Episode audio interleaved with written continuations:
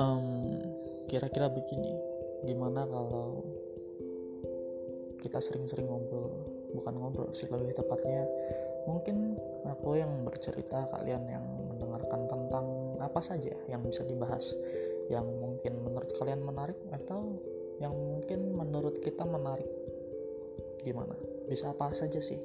Bisa tentang hari-harimu yang berat bisa tentang segala hal yang patah tentang hal-hal yang mungkin seharusnya nggak dipikirkan mungkin. Um, ya kita bisa ngobrol apa aja sih. Gitulah kira-kira. Gimana